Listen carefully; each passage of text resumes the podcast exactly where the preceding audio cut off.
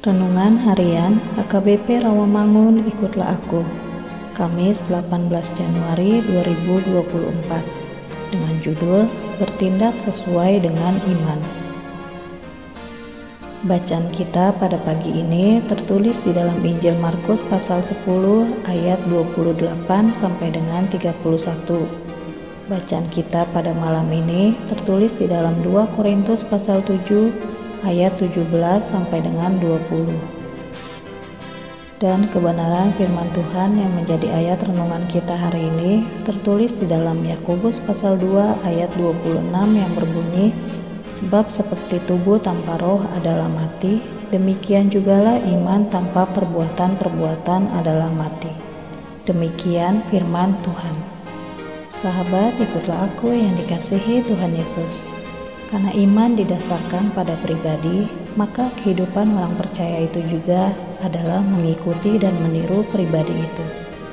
Inilah iman yang sesungguhnya dikatakan oleh Yakobus. Iman tidak bisa diukur, namun iman bisa dilihat dan dirasakan keberadaannya oleh orang lain. Iman digambarkan seperti perpaduan tubuh dan roh. Tubuh sangat jelas kelihatan, namun roh tidak dilihat oleh orang-orang. Namun, bila tidak ada roh, maka tubuhnya mati. Keberadaan roh itu nyata menghidupkan tubuh itu. Demikian dengan iman. Iman itu terlihat nyata dalam tindakan dan perkataannya. Tindakan dan perkataan itu akan seturut dengan yang diimani. Iman orang percaya itu didasarkan pada kasihnya kepada pribadi Kristus. Ini bedanya dengan setan. Yakobus mengatakan, kalau hanya soal percaya, iblis pun percaya akan Tuhan.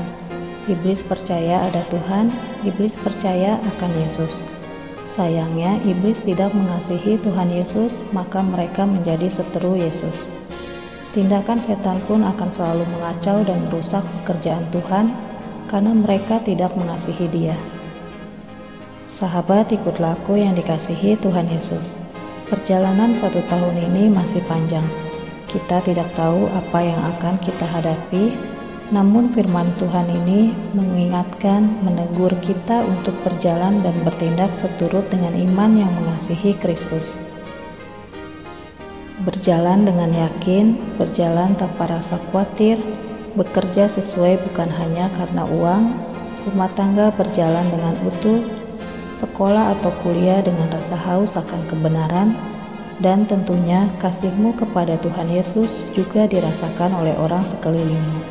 Dengan tutur katamu yang tidak menyakiti, janjimu yang bisa dipegang, dan pertolonganmu yang nyata. Amin. Marilah kita berdoa. Tuhan, berilah kami kesetiaan untuk meneladani Engkau senantiasa dalam hidup kami. Amin.